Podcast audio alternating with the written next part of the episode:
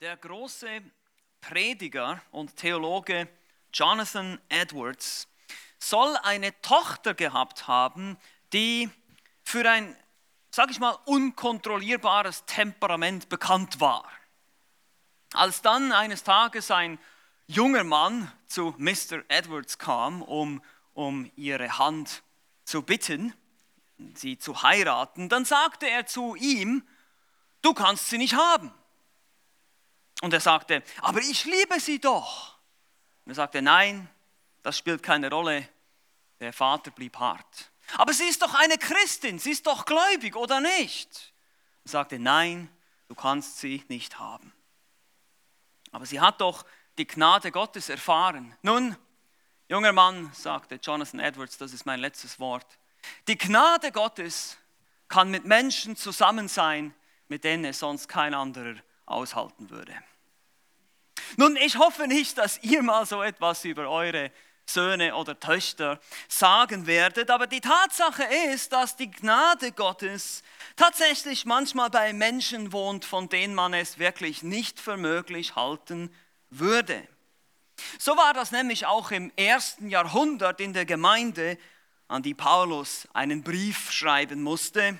Das sind unsere Freunde, die Korinther die Gemeinde in Korinth. Die Gnade Gottes wohnte auch, man hält es kaum für möglich, in Korinth, in dieser Gemeinde. Obwohl es sonst wahrscheinlich keiner so schnell da ausgehalten hätte. Weil diese Gemeinde war fleischlich, sie waren unreif, sie stritten und zankten miteinander, sie übervorteilten einander, sie lebten in wilder Unmoral na, man konnte wirklich sagen und man konnte sich selber fragen, wohnt die Gnade Gottes da überhaupt? Paulus stellt diese Frage im 2. Korintherbrief, Kapitel 13, Vers 5. Prüft euch selbst, ob ihr im Glauben seid. Also selbst er hatte Zweifel. Kann das wirklich sein, dass die wirklich alle gläubig sind? Prüft euch. Paulus kritisierte die Gemeinde für viele Dinge. Wir haben das schon gesehen ähm, im Korintherbrief. Aber die Wurzel von allem war, dass sie keine wahre Liebe untereinander hatten. So wie Jesus das einst gesagt hat, das Merkmal eines wahren Jüngers Jesu ist es, dass wir Liebe untereinander haben. Und das war offenbar nicht da oder es wurde nicht praktiziert in Korinth. Es führte dann zu verschiedensten Problemen. Wohl auch hitzigen Debatten, kann man sich gut vorstellen. Ausrasten, die Fassung verlieren, war sicherlich auch eins der Probleme in Korinth. Daher ermahnt Paulus die Korinther hier im 1. Korinther 13, Vers 5, und das ist unser Vers für heute. Liebe lässt sich nicht erbittern. Liebe wird nicht zornig, ist nicht leicht reizbar, rastet nicht aus. Man kann sich das vorstellen, aufgrund der Parteiungen, die es gab in dieser Gemeinde, gab es sicherlich hitzige Debatten und Streitereien. Es gab Gerichtsverhandlungen, haben wir in Kapitel 6 gesehen. Auch da ging es wohl nicht gerade ruhig und liebevoll zu und her. Und auch die Streitfragen über die Ehe oder über Ehescheidung lösten sicher auch heftige Diskussionen aus. Und selbst wenn es um die Geistesgaben ging, wie wir schließlich dann sehen im Kapitel 12 bis 14, gab es sicherlich solche, die frustriert waren, die ärgerlich waren, die gereizt waren, weil sie die anderen beneideten für die größeren, die spektakuläreren Gaben. Weil in Korinth wurde ganz besonders die Gabe des Sprachenredens aufs Podest gehoben oder auch die Prophetie und alle anderen sind nicht so wichtig. Und so gab es sicherlich auch da hitzige Gemüter. Und daher musste Paulus in diesem Abschnitt in 1. Korinther Kapitel 12, Vers 14, äh, 12 bis 14, in dem wir uns jetzt gerade befinden, die Korinther korrigieren über den richtigen Einsatz dieser Gaben. Und die Gaben sind gegeben, um zu dienen, nicht um sich selbst zu verherrlichen, nicht um sich selbst darzustellen und zu zeigen, wie groß ich bin, wie wunderbar ich bin, sondern vielmehr um den anderen zu dienen. Und das ist genau das, was die Liebe tut. Die Liebe sucht nicht das ihre, haben wir letztes Mal gesehen, sondern sie dient dem anderen. Und daher spricht Paulus am Ende von Kapitel 12 von diesem vortrefflicheren Weg, den die Korinther jetzt gehen sollen. Sie sollen auf diesen Weg der Liebe kommen, weil das ist genau das, was ihnen fehlte in Korinth. Sie waren sehr begabt, sie hatten sehr viel Erkenntnis, sie hatten viel Weisheit, wohl nicht aber in der Praxis und nicht in der Liebe, denn sie liebten einander nicht. Und wir sehen das hier, sie haben Begabungen ausgelebt zum Selbstzweck, um sich selbst darzustellen. Und wir haben bereits sieben Vollkommenheiten der Liebe betrachtet, die Paulus dann schließlich im Kapitel 13 aufzählt, um einfach zu zeigen, wie dieser vortreffliche Weg denn genau aussehen soll. Wie soll das aussehen? Wie sollen die Gaben zum Einsatz kommen und wie soll überhaupt das christliche Leben als Dienst gelebt werden? Nun, das Erste, was wir gesehen haben, ist, dass die Liebe in Vers 4, Kapitel 13, langmütig ist. Sie ist geduldig. Sie kann warten. Man kann aufeinander warten. Wenn der eine eine Prophetie hatte, muss der nicht der andere schon reinreden. All diese Dinge müssen wir immer wieder sehen in diesem Kontext des, der, der, der Korrektur der Gaben, des, des richtigen Einsatzes der Gaben. Also langmütig, aber sie ist auch gütig, freundlich, zuvorkommend. Wie gesagt, sie beneidet andere nicht. Wer wirklich liebt, ist nicht neidisch auf andere, weil sie vielleicht begabter sind als ich oder gesegneter oder mehr Reichtum mehr Fähigkeiten haben als ich. Die Liebe gibt auch nicht an, haben wir gesehen. Sie ist deshalb auch nicht arrogant und ist anständig in ihrem Benehmen. Und sie ist eben auch nicht egoistisch. Sie sucht nicht das ihre, sie sucht nicht einfach sich selbst zu befriedigen, sondern will dem anderen dienen. Und nun kommen wir heute zum achten Merkmal, zur achten Vollkommenheit dieser Liebe. Lasst uns nochmal unseren Predigtext lesen, 1. Korinther 13 ab Vers 4. Ich lese das im, Zusammenhang hier ab Vers 4 bis 5c. Hier heißt es, die Liebe ist langmütig, ist gütig, die Liebe neidet nicht, die Liebe tut nicht groß, sie bläht sich nicht auf, sie gebärdet sich nicht unanständig, sie sucht nicht das ihre, sie lässt sich nicht erbittern. Sie lässt sich nicht erbittern. Das ist unser Text für heute. Und wie wir noch sehen werden, geht es bei diesem sich nicht erbittern lassen darum, dass man eben nicht die Beherrschung verliert. Ausrasten ist das Thema heute. Oder genau gesagt, drei biblische Gründe, nicht auszurasten. Drei biblische Gründe. Das ist ganz simpel heute. Drei Gründe. Erstens, ausrasten ist lieblos. Zweitens, ausrasten ist dumm. Und drittens, ausrasten ist Sünde. Wir haben das, glaube ich, auch auf dem Gemeindeblatt. Also drei Gründe hier, die die Schrift uns gibt, warum wir das nicht tun sollen. Und am Ende werden wir uns dann noch ein bisschen anschauen, wie wir das üben können oder lernen können. Also erstens, wir steigen gleich ein. Der erste Grund, der die Schrift uns gibt, und das ist direkt hier in unserem Text, im 1. Korinther 13, ausrasten, ist schlicht und einfach lieblos. Weil die Liebe lässt sich eben nicht erbittern. Die Liebe ist eben nicht so. Das Verb erbittern hier im Griechischen ist ein seltenes Verb im Neuen Testament. Er stammt von einem anderen Verb ab, das so viel wie schärfen bedeutet. Und dieses Wort geht wiederum auf ein Wort zurück, das so viel bedeutet wie sauer, Schärfe, Säure, saurer Wein wird damit beschrieben.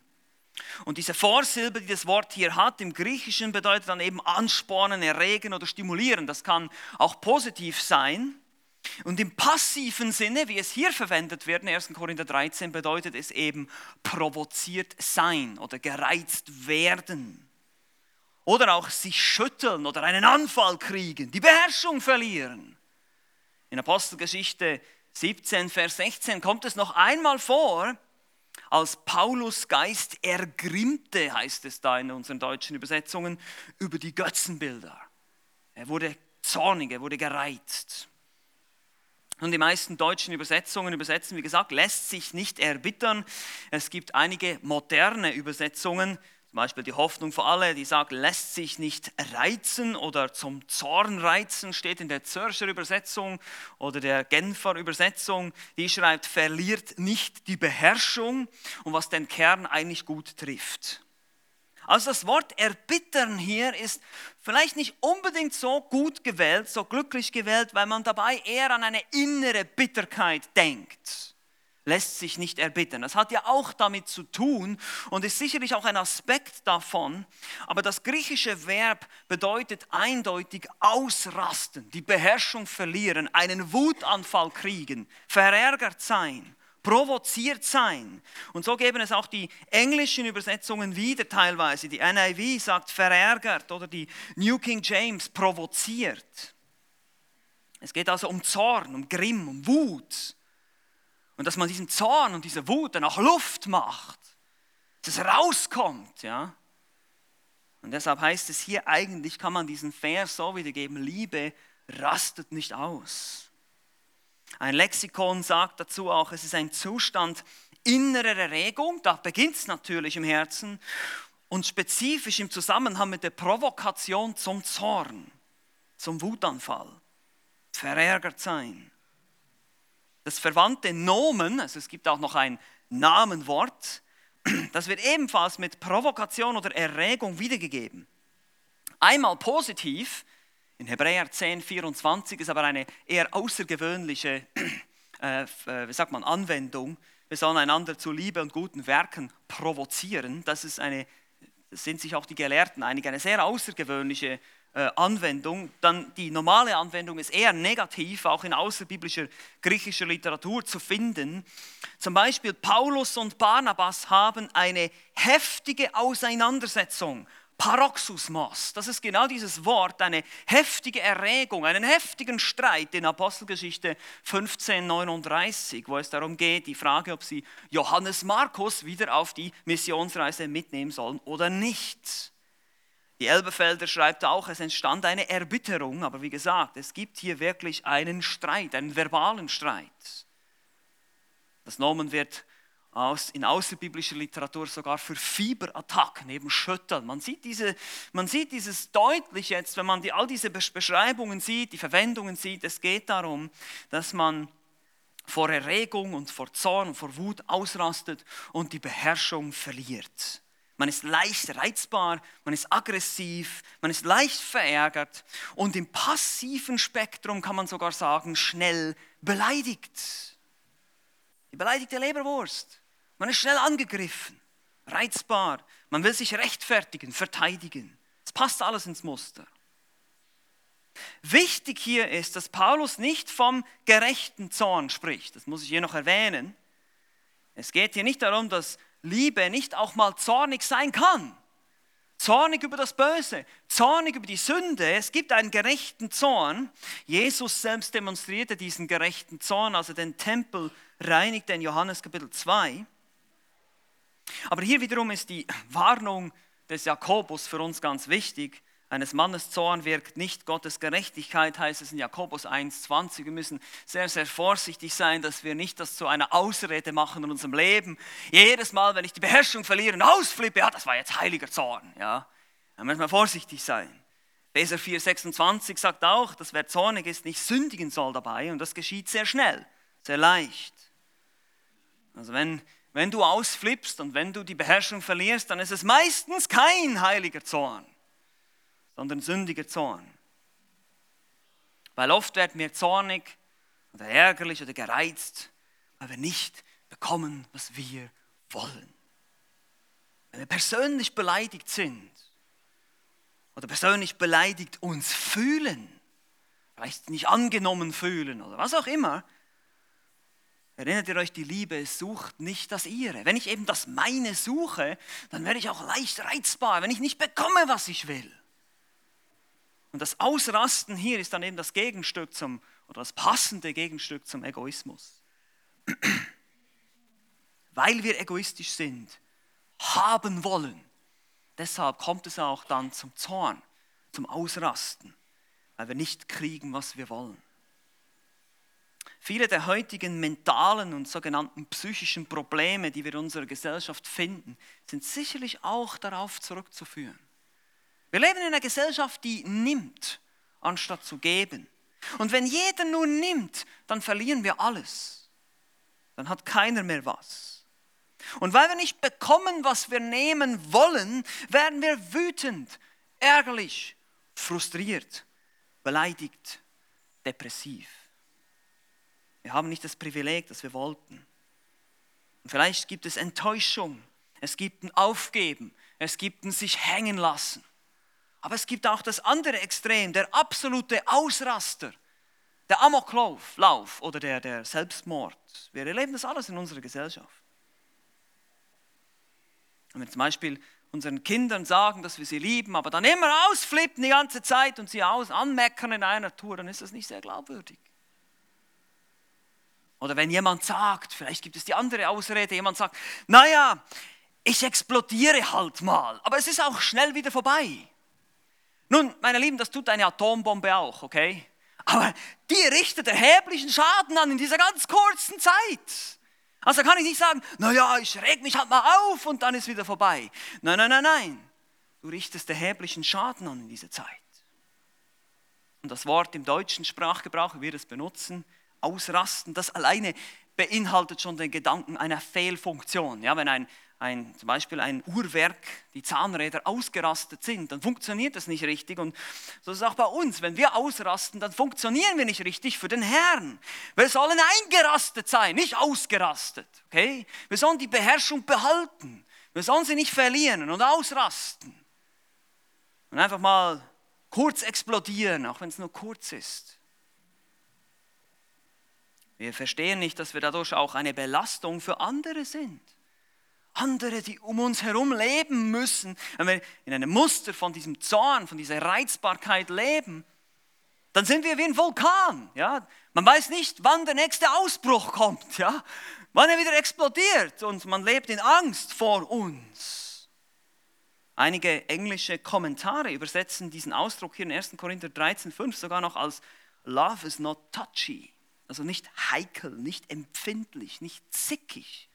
Es ist interessant, dass es hier, wie gesagt, auch von dieser Sünde des Zorns und des Ausrasten eine Art, äh, eine Art passives Gegenstück gibt, eine passive Form, eben dieses Beleidigtsein, dieses Eingeschnapptsein, die beleidigte Leberwurst sein. Das ist genauso Zorn, das ist genauso, ich krieg nicht nach, was ich will und deshalb bin ich jetzt trotzig. Da bist du genauso ein Schaden für andere.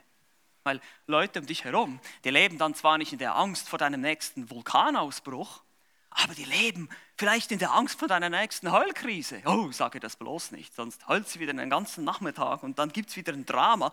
Ja, so denken dann die Leute über dich. Das ist nicht sehr angenehm, um eine solche Person herumzuleben. Dann musst du sie wieder den halben Nachmittag aus ihrer Depression rausholen, nur weil du sie mit einer Sünde konfrontiert hast. Oh, mach das bloß nicht. Leute leben in Angst vor dir, wenn, wenn du, aber letztlich ist das alles, und das ist das Interessante, es ist alles lieblos. Es ist lieblos, wenn du so bist. Du bist, du bist lieblos, wenn du so handelst. Ob du jetzt die beleidigte Leberwurst spielst oder den Vulkanausbruch, es ist beides lieblos. Liebe, wahre Liebe tut so etwas nicht. Sie fokussiert sich auf das Wohl des Nächsten. Sie sucht eben nicht das ihre, ihren eigenen Willen. Und deshalb rastet sie nicht aus, wenn sie nicht kriegt, was sie will. Das ist nicht reizbar und nicht eingeschnappt. Und als wahrer Christ darf auch ich und du, wir nicht so leben.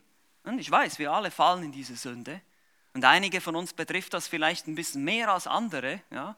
Aber trotzdem wissen wir, es darf kein Muster, kein Muster von Reizbarkeit und ständigem Ausflippen in unserem Leben zu finden sein.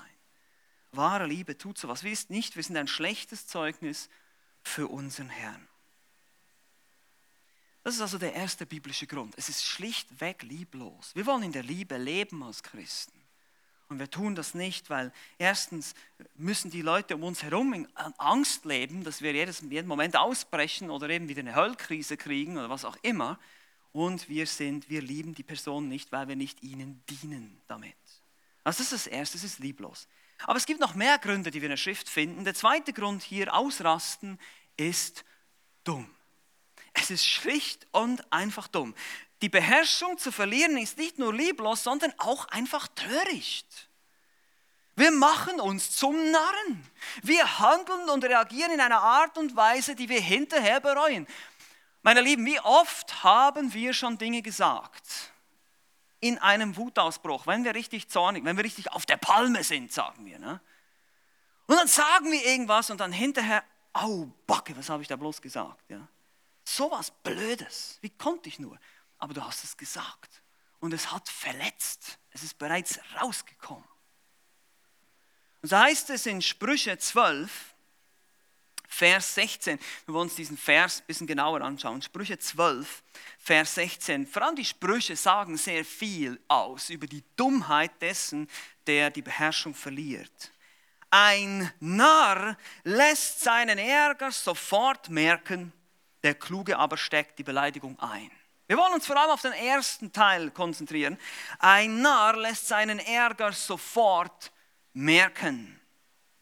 Eine andere Übersetzung, zum Beispiel die Elberfelder hier, meine Übersetzung sagt, die tut sich am selben Tag kund oder auf der Stelle merken lässt, ist eine andere Übersetzung. Wir können drei Beobachtungen machen, relativ simpel, warum das so dumm ist, ja, die Beherrschung zu verlieren. Erstens, die Person, die sich nicht beherrschen kann, lässt ihren Ärger sofort merken, heißt es hier. Sofort, auf der Stelle, noch am selben Tag. Es braucht also nicht viel, um diese Person auf 180 zu bringen. Dieser Mensch ist sehr schnell gereizt, sehr schnell böse und ärgerlich oder aufgebracht oder eben auch beleidigt. Das ist typisch. Es ist unüberlegt, überstürzt und ohne nachzudenken. Sprüche 29, Vers 20 sagt, siehst du einen Mann, der übereilte Worte spricht, so kannst du für einen Toren mehr Hoffnung haben als für ihn. Es besteht mehr Hoffnung für einen Toren als für uns, wenn wir überall Dinge sagen. Und das sagen wir meistens im Wutausbruch. Ein hoffnungsloser Fall. Dann bist du eben wie dieser Vulkan oder eine Zeitbombe. Und ihr kennt vielleicht solche Menschen auch aus eurem Umfeld. Ich, ich hatte mal einen Vorgesetzten, bei dem war es so. Ich, man musste nur das Richtige zum richtigen Zeitpunkt oder das Richtige zum falschen Zeitpunkt sagen, je nachdem. Und dann, ja, dann ging es los. Plötzlich, von einer Sekunde auf die andere, eben wie so ein Vulkanausbruch. Völlig unerwartet. Und dann hat man den ganzen Tag darunter gelitten. War dann den ganzen Tag so eine, so eine genervte Stimmung im Geschäft. Und das ist genau das, was passiert. Er lässt seinen Ärger sofort merken. Dann die zweite Beobachtung, die wir machen können hier in diesem Vers in Sprüche 12, 16, ist, die Person, die sich nicht beherrschen kann, lässt ihren Ärger merken. Also es ist nicht so sofort, sondern man merkt es wirklich. Man merkt es, es ist offenbar, es ist offensichtlich. Man sieht es am Gesichtsausdruck, am Tonfall, genervt und schroff oder auch am Geschrei, am Gehabe. Körperhaltung und Lautstärke sind entscheidend. Es wird zwar hier in dem Vers nicht gesagt, wie man es merkt, aber dass man es merkt, wird deutlich. Und das ist der Punkt hier. Sprüche 29, Vers 11 doppelt das noch nach und sagt, ein Tor lässt all seinen Unmut freien Lauf. Er hält nicht zurück, er beherrscht eben nicht, sondern er lässt alles raus. Puh, ja, alles rauslassen. Und das ist auch so eine Lüge heute, ja, wenn es heißt, ja, du musst deinen Zorn mal rauslassen, ja, du musst es mal irgendwie dich abreagieren. Das ist völliger Blödsinn, ist total unbiblisch. Die Bibel sagt, nein, ein weiser Mensch beherrscht deinen Ärger. Warum? Weil dieser Ärger, da ist nichts etwas in dir drin, was rauskommt, sondern das ist einfach dein Ego, was irgendwas will und dann verärgert ist und das ist die Reaktion darauf. Also man merkt es. Kennt ihr vielleicht auch solche Leute, man, man kann es zehn Kilometer gegen den Wind sehen, dass sie wieder verärgert sind. Ja, ein Gesicht machen wie drei Tage Regenwetter. Das ist genau das, man merkt es, es ist eingeschnappt, erleidigt. Vielleicht auch ein böser Gesichtsausdruck und gibt viele Leute, die wollen das sogar, dass man ihnen ansieht, dass sie eine miese Laune haben. Ja, wenn du mal morgens in der S-Bahn unterwegs bist in Berlin, ja, dann siehst du vielleicht einige davon. Und nach dem Motto, das Elend hat viele Gesichter, hast du schon meines gesehen. Ja? Es ist einfach, die wollen einfach, dass gesehen wird und sie bringen es zum Ausdruck. Und das ist das, was wir hier sehen. Und drittens sehen wir auch noch, die Person, die sich nicht beherrschen lässt oder die sich nicht beherrscht, ist ein Narr. Das heißt es hier auch noch in Sprüche 12, Vers 16. Das ist ein Narr, er wird als Narr bezeichnet. Diese Person ist ein Narr, ein Tor. Ärgerliche Menschen, die ausrasten, machen sich zum Trottel der Nation, zum Narren der Nation. In einem Zornausbruch machst du oder sagst du die blödsten Sachen, die dümmsten Dinge, eben die unüberlegsten Dinge. Ich hasse dich. Ich lasse mich von dir scheiden. Ja? Oder, dann, dann, oder auch bei den Kindern, ja, dann droht man den Kindern wenn du das nochmal machst, dann gehen wir sofort nach Hause. Und du bist irgendwie im Urlaub, hast irgendwie zwei Wochen Hotel gebucht und sagst das am ersten Tag. Das würdest du nie machen, sowas. Hör auf, Dinge anzudrohen, die du nicht machst, aber du sagst diese unüberlegten Dinge. Ja, und ich sehe an eurem Lachen, dass ihr da irgendwie euch damit identifizieren könnt. Ja. Das geht uns allen so. Wenn wir ausrasten, dann sagen wir die blödsten Sachen. Und deshalb sind wir Narren, wenn wir so handeln. Wir sind dumm. Und wir machen uns unglaubwürdig. Ja? Wenn, wenn jemand die Beherrschung verliert, macht er sich unglaubwürdig vor den anderen. Vielleicht vor deinen Kindern oder deinem Ehepartner oder der Gemeinde oder deinem Arbeitgeber oder sonst wer. Du, du sagst, du bist Christ, jetzt guck dich mal an. Ja, wie, du, wie du hier jetzt geredet hast, was jetzt gerade eben alles gesagt, was da alles aus deinem Mund rauskam. Stellt euch das mal vor, im Straßenverkehr, ja, jemand nimmt dir die Vorfahrt und Du rastest aus im Auto und zeigst diesem den Stinkefinger, wie man so schön sagt im Deutschen, ja, und dann am nächsten Sonntag kommt er in die Gemeinde. Au, Backe, ja, was für ein Zeugnis. Und genau das wollen wir nicht sein. Interessant ist auch, dass die Bibel selbst uns Beispiele liefert, wie die, die Torheit, die, die aus dem Ausrasten herauskommt, wenn jemand die Beherrschung verliert. Wir finden auch Beispiele in der Schrift. Ich gebe euch zwei. Das eine ist der König Ahab.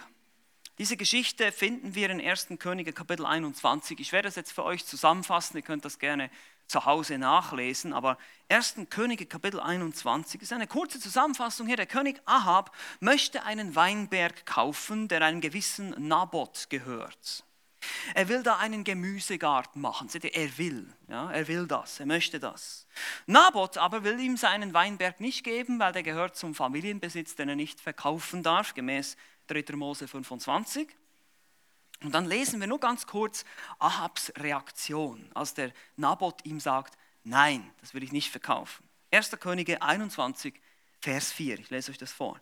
Da kam Ahab heim missmutig und zornig um des Wortes willen, das Naboth, der Jesreelit, zu ihm gesprochen hatte, ich will dir das Erbe meiner Väter nicht geben. Und er legte sich auf sein Bett, wandte sein Angesicht ab und aß nichts. Wie so ein trotziges Kind. Er kommt nach Hause, stampft wahrscheinlich auf den Boden, legt sich ins Bett, dann nach hinten, Kopf gegen die Wand. Ja? Trotzig und ärgerlich. Typische beleidigte Leberwurst legt sich auf ein Bett, wendet sich an die Wand, will nichts mehr. Ich esse nichts mehr. Schließlich bringt es dann seine Frau dazu, die Isabel, die ermordet dann den Naboth, lässt ihn ermorden durch eine Verschwörung. Ahab macht sich total zum Narren und er wird sogar zum Mörder, zum Komplizen, einer Mörderin. Nun, Ahab war ein gottloser König und wir können vielleicht sagen, okay, das ist, das ist ein Beispiel, aber es gibt auch Beispiele von gottesfürchtigen Menschen, die ausrasten. Ein Beispiel finden wir bei Mose. Mose galt als der sanftmütigste Mann auf Erden. Ja, das lesen wir in 4. Mose 12, Vers 3. Aber er selbst rastete auch mal aus und machte sich dabei zum Narren. Das sehen wir in 4. Mose Kapitel 20. Hier auch eine kurze Zusammenfassung, 4. Mose 20. Mose war mit dem Volk in der Wüste unterwegs. Er leitete das Volk und das Volk murrte und klagte und murrte immer und immer wieder. Man beklagte sich, dass es nichts Rechtes zu essen gab, nur, ja, nur Manna, keine, keine Gurken, keine Melonen, keinen Lauch und keine Zwiebeln, die sie angeblich in, in Ägypten hatten. Miriam und Aaron lehnten sich gegen Mose auf in 4. Mose 12. Man rebellierte in der Wüste, weil man Angst hatte vor den Einwohnern des Landes. Man wollte das Land nicht einmal sagen, oh, das können wir nie erobern, die sind viel zu stark. Kapitel 13 und 14. Es gab eine weitere Empörung durch Korah, Datan und Abiram in Kapitel 16. Und so geht das weiter und weiter. Murren, Klagen, Auflehnung. Und in Kapitel 20 sind wir nun sozusagen bereits 40 Jahre in der Wüste. Und das Gemurre hat wohl nicht aufgehört des Volkes, wohl kaum. Und zum x-ten Male geschah es, dass sich das Volk beschwert, dass es kein Wasser hatte. Und da sehen wir, dass es Mose, Mose platzte der Kragen. Er schlägt den Felsen in 4. Mose 20, Vers 11, obwohl Gott zu ihm gesagt hat, er soll zum Felsen sprechen. Und er sagt, werden wir euch wohl Wasser beschaffen, ihr Widerspenstigen. Man kann richtig die Frustration spüren, wenn man diesen Text liest. Aber er hat die Beherrschung verloren. Und er, hat, er ist ausgerastet. ist auch verständlich. Er war 40 Jahre Babysitter für ein widerspenstiges Volk. Ich meine, irgendeinmal platzt einfach der Kragen. Aber es war trotzdem falsch. Und es hatte Folgen. Mose büßte es. Für diese unüberlegte Handlung. Er kann nicht ins gelobte Land einziehen und macht sich leider hier zum Narren. 4. Mose 20, Vers 12. Also selbst die größten Helden des Glaubens können die Fassung verlieren und töricht und handeln dann dabei total töricht. Und das ist das, was wir lernen sollen, auch aus diesen Beispielen, eben nicht auszurasten. Also wir haben drei biblische Gründe. Einerseits, Ausrasten ist lieblos. Zweitens, Ausrasten ist dumm. Und drittens, Ausrasten ist Sünde. Nun, das scheint jetzt vielleicht ein bisschen überflüssig, das, diesen dritten Punkt da noch anzuführen, aber es, ist, es muss trotzdem betont werden. Ausrasten ist nicht nur lieblos gegenüber deinen Mitmenschen. Ja, du, du, du bist nicht nur ein Schaden für andere, du bist nicht nur eine wandelnde Zeitbombe und eine Bedrohung für deinen Nachbarn oder deine Ehefrau oder Ehemann oder deine Kinder. Nein, du sündigst auch gegen Gott. Und das muss ganz klar betont werden. Wir sündigen gegen Gott und rebellieren gegen seinen souveränen Plan mit uns in dem Moment.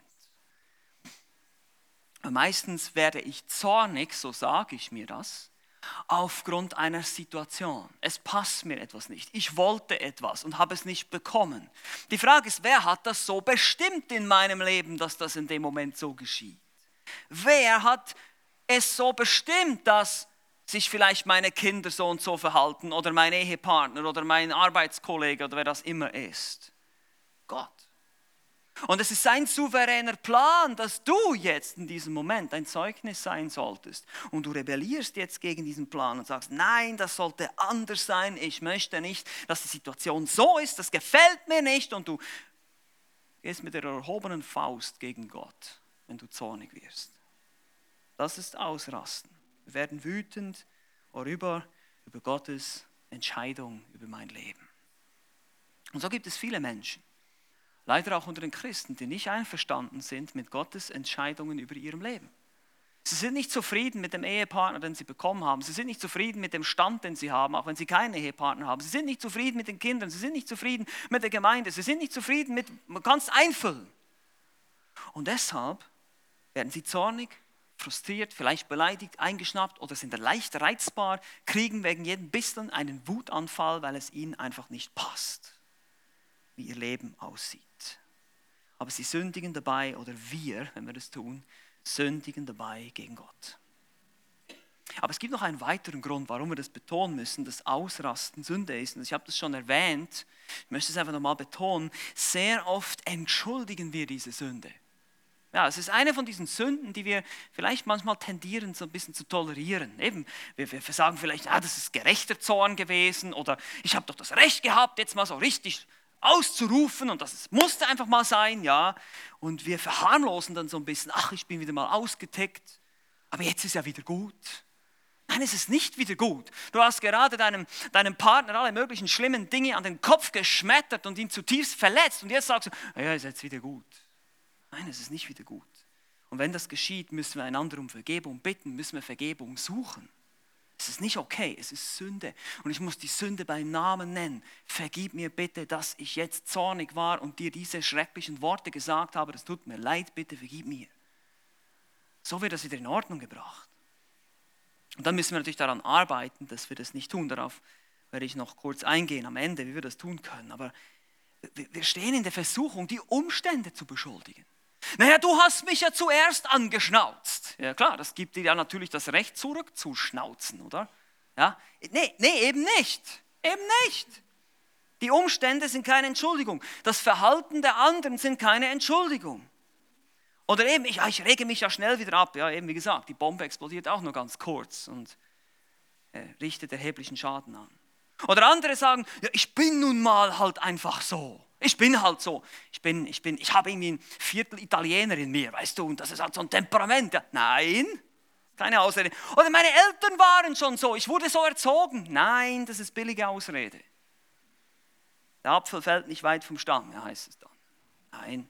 Es kann sein, dass du zornige Eltern hattest und dadurch eine Prägung hast und das von ihnen gelernt hast, aber es ist keine Ausrede. Es ist Sünde.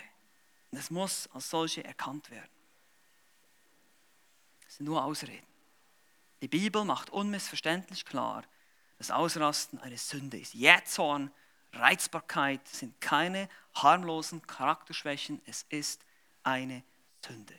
Ein Jähzorniger richtet viel Schaden an und sich selbst, an sich selbst, an seinen Mitmenschen und er beleidigt letztlich Gott selbst damit.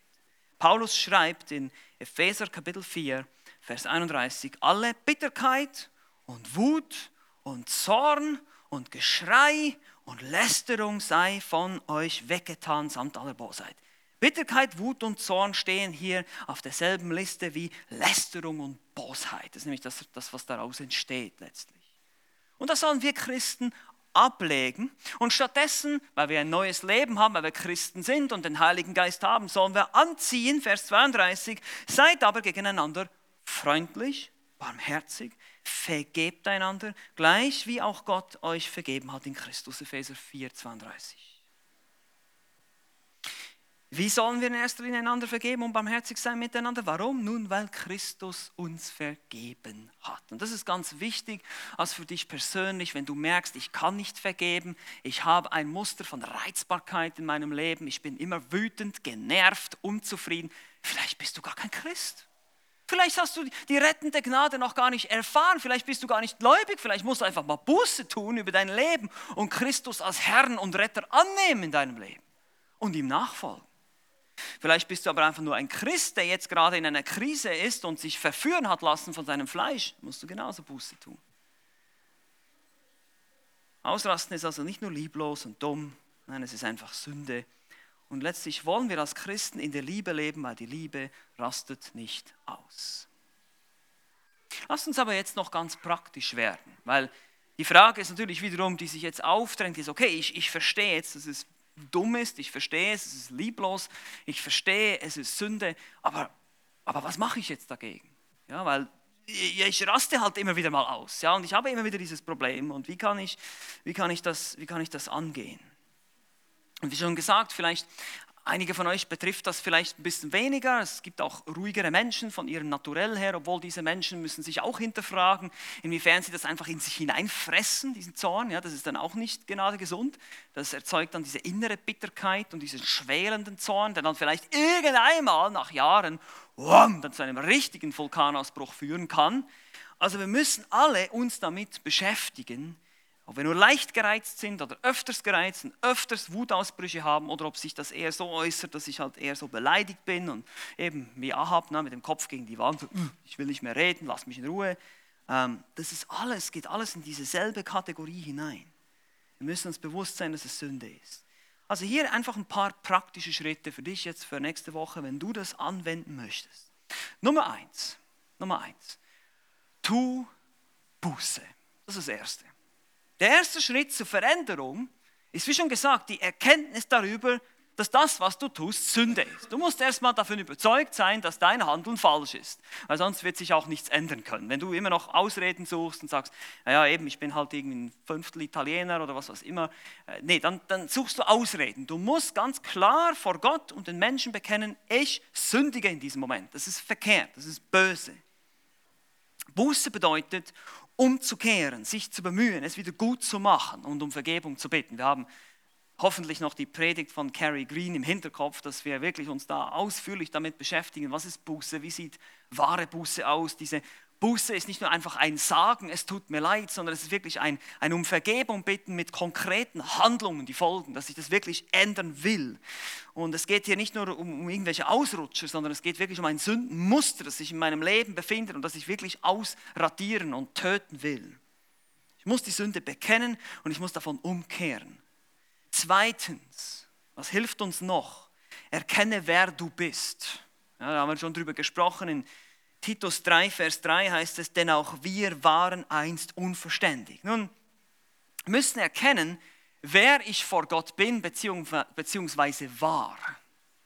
Auch du, auch ich, wir waren einst ungehorsam, gingen in die Irre und dienten mannigfachen Lüsten und waren zornig. Aber das ist jetzt vorbei.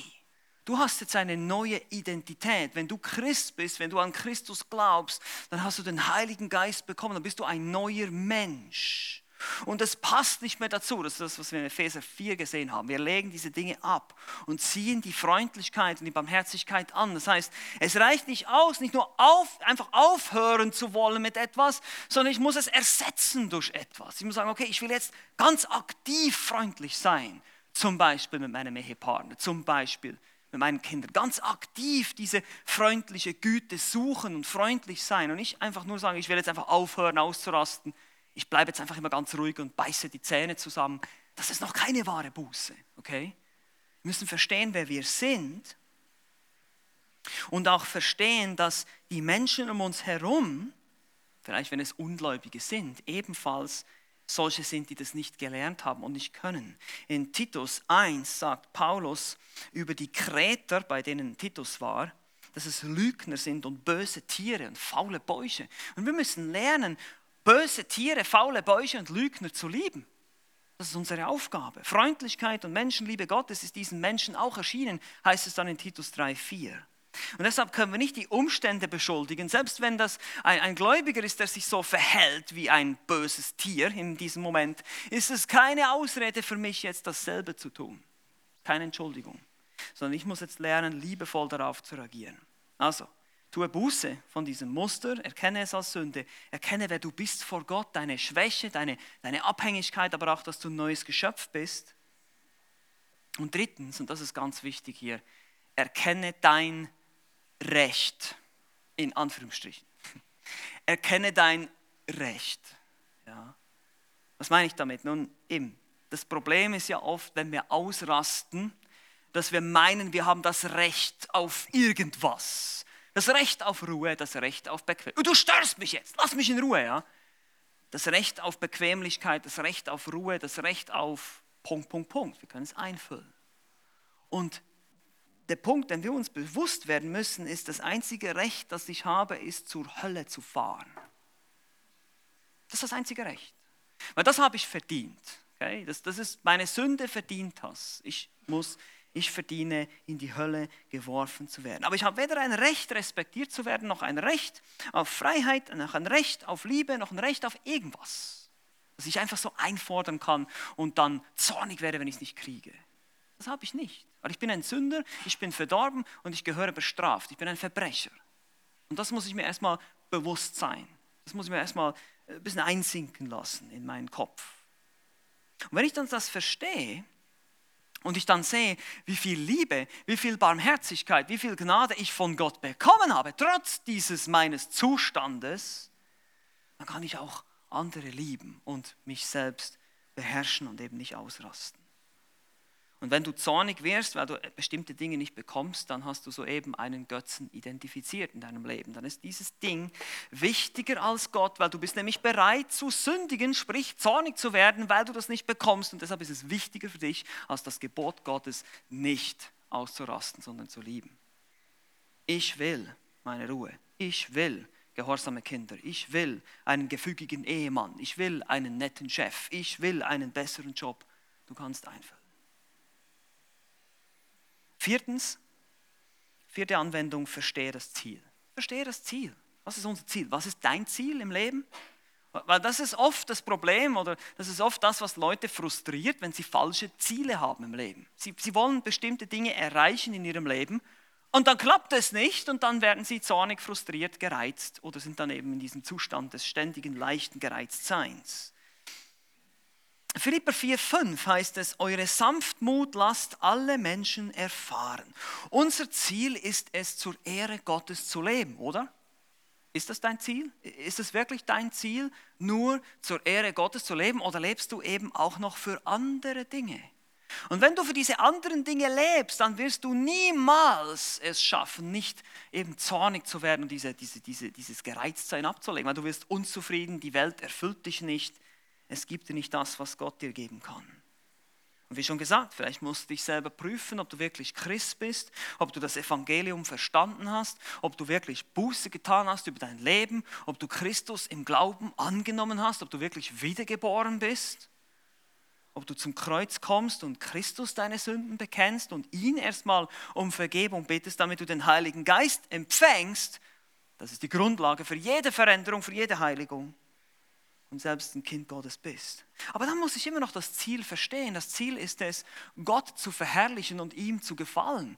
Wenn das dein Ziel ist, dann wird es nicht so schnell Umstände geben, die dich zornig machen können, weil du weißt in dem Moment, nein, mein Ziel ist es, Gott zu verherrlichen, nicht unbedingt das oder jenes oder dieses zu kriegen. Aber das ist meistens unser Problem. In dem Moment denken wir eben an all diese anderen Dinge, die wir gerne hätten und nicht daran, dass ich Gott gefallen.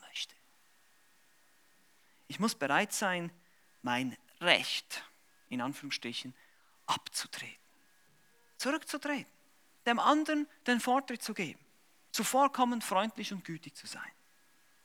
Das ist der Charakter eines wahren Nachfolgers Jesu. Einmal mehr wird uns bewusst, dass liebevolles Leben ein Teil unserer Mission ist. Es ist unser Missionsauftrag. Deine Mission ist es, die Liebe Christi in die Welt zu tragen. Aber nicht nur mit deinen Worten, sondern mit deinen Taten. Ganz genau. Und das vergessen wir genau in dem Moment, wo wir ausrasten und irgendwas wollen, eine Begierde haben und dann wütend werden, dann vergessen wir das total, was unser Ziel ist. Wir haben es völlig aus den Augen verloren in dem Moment. Und deshalb ist es so wichtig, dass wir immer wieder auf das Ziel schauen. Was ist dein Ziel? Was ist mein Ziel im Leben? Erkenne, wer du bist, erkenne dein Ziel. Und fünftens, fünfte Anwendung, übe es. Selbstverständlich geht das nicht von alleine. Ich weiß das. Manche Sünden sind hartnäckig. Und so kann es auch sein, dass ein Temperament, ein, ein Gereiztsein eine sehr hartnäckige Sünde sein kann im Leben von einigen. Und deshalb müssen wir uns konkrete Ziele setzen. Wir müssen daran arbeiten. Ich muss, ich muss vielleicht konkrete Situationen erkennen, die mich besonders ausrasten lassen. Ja? Wie ich das jetzt mal so ausdrücke. Das ist ja nicht so, sondern ich mache das in meinem Herzen. Aber trotzdem, ich muss bestimmte Situationen erkennen, wo ich sage, da bin ich vor allem versucht, wenn das geschieht. Man spricht von diesem roten Knopf, ja, den man bei jemandem drücken kann. Ja. Das ist ein roter Knopf und, und wenn ich den drücke, dann... Pff, ja. Und jeder von uns hat vielleicht irgendwo diesen roten, vielleicht hast du sogar mehrere davon, ich weiß es nicht. Aber dann musst du diese roten Knöpfe identifizieren und sagen, okay, was, was kann ich in dem Moment tun? Was kann ich in dem Moment ablegen? Was kann ich in dem Moment anziehen, wenn diese Situation wiederkommt? Und glaube mir, sie wird wiederkommen. Sie wird wiederkommen. Du musst dich darauf vorbereiten, auf diese Situation. Zum Beispiel, wenn deine Kinder bestimmte Dinge machen. Oder wenn dein Arbeitgeber bestimmte Dinge von dir verlangt. Oder wenn dein Kollege, dein Arbeitskollege dich ständig nervt mit bestimmten Dingen. Dann musst du dir überlegen, was kann ich ablegen und was kann ich stattdessen anziehen. Du musst den Schlachtplan zurechtlegen. Wir können nicht einfach gedankenlos durchs Leben gehen. Wir müssen uns hinsetzen, überlegen, eine Strategie haben. Was mache ich beim nächsten Mal, wenn ich diesem Arbeitskollege wieder begegne? Wie werde ich reagieren, wenn er diesen blöden Spruch zum hundertsten Mal bringt? Ja, was, was mache ich? Ja, das, ist, das ist das Üben. Das ist das, was es heißt in 1 Timotheus 4, Vers 7, wo es heißt, übe dich in der Gottesfurcht. Gymnazo. Das kommt von Gymnastik, oder wir haben das Wort Gymnastik davon. Trainiere, Prinzip, übe. Trainiere deine geistlichen Muskeln, dass du richtig reagieren kannst. Trainiere dich in Gottesfurcht. Meine Lieben, gottesfürchtiges Verhalten wie Sanftmut, muss hart trainiert werden. Das kommt uns nicht einfach so von alleine aus dem FF, weil unser Fleisch wird immer anders reagieren wollen. Und wir werden auch ein Leben lang üben dürfen. Hudson Taylor, der berühmte China-Missionar, wartete einmal an einem Flussufer auf ein Boot, um aufs andere Ufer gebracht zu werden. Und da kam aber auch ein reicher Mann, der neben ihm stand und der erkannte Hudson nicht, weil Hudson hat sich so adaptiert, dass er äh, die Kleidung eines äh, chinesischen Bauern trug. Er hatte auch dieselbe Frisur, er hat sich völlig in die Kultur äh, eingebettet, in die chinesische. Und so hat der reiche Mann diesen Bauern, wie er dachte, einfach geschubst zur Seite und Hudson fiel in den Schlamm. Aber ein weiterer Mensch, der dabei stand, hat diesen reichen Mann darauf aufmerksam gemacht. Weißt du, weißt du, wenn du da gerade geschubst hast, das ist ein Gottesmann, das ist ein Missionar. Und so war es dem reichen Mann natürlich total peinlich und er hat ihm wieder aufgeholfen, hat sich entschuldigt bei ihm. Aber der Kapitän des Schiffs hat auch gesehen, was geschehen ist und wollte ihn dann nicht an Bord lassen. Aber Hudson Taylor hat ein gutes Wort bei diesem Kapitän eingelegt, sodass der reiche Mann trotzdem an Bord kommen durfte. Und in diesem Moment ergriff Hudson die Möglichkeit, um diesem reichen Mann das Evangelium zu verkündigen. Meine Lieben, lasst uns so leben, dass wir liebevoll leben und dadurch ein Zeugnis sind für unseren Herrn.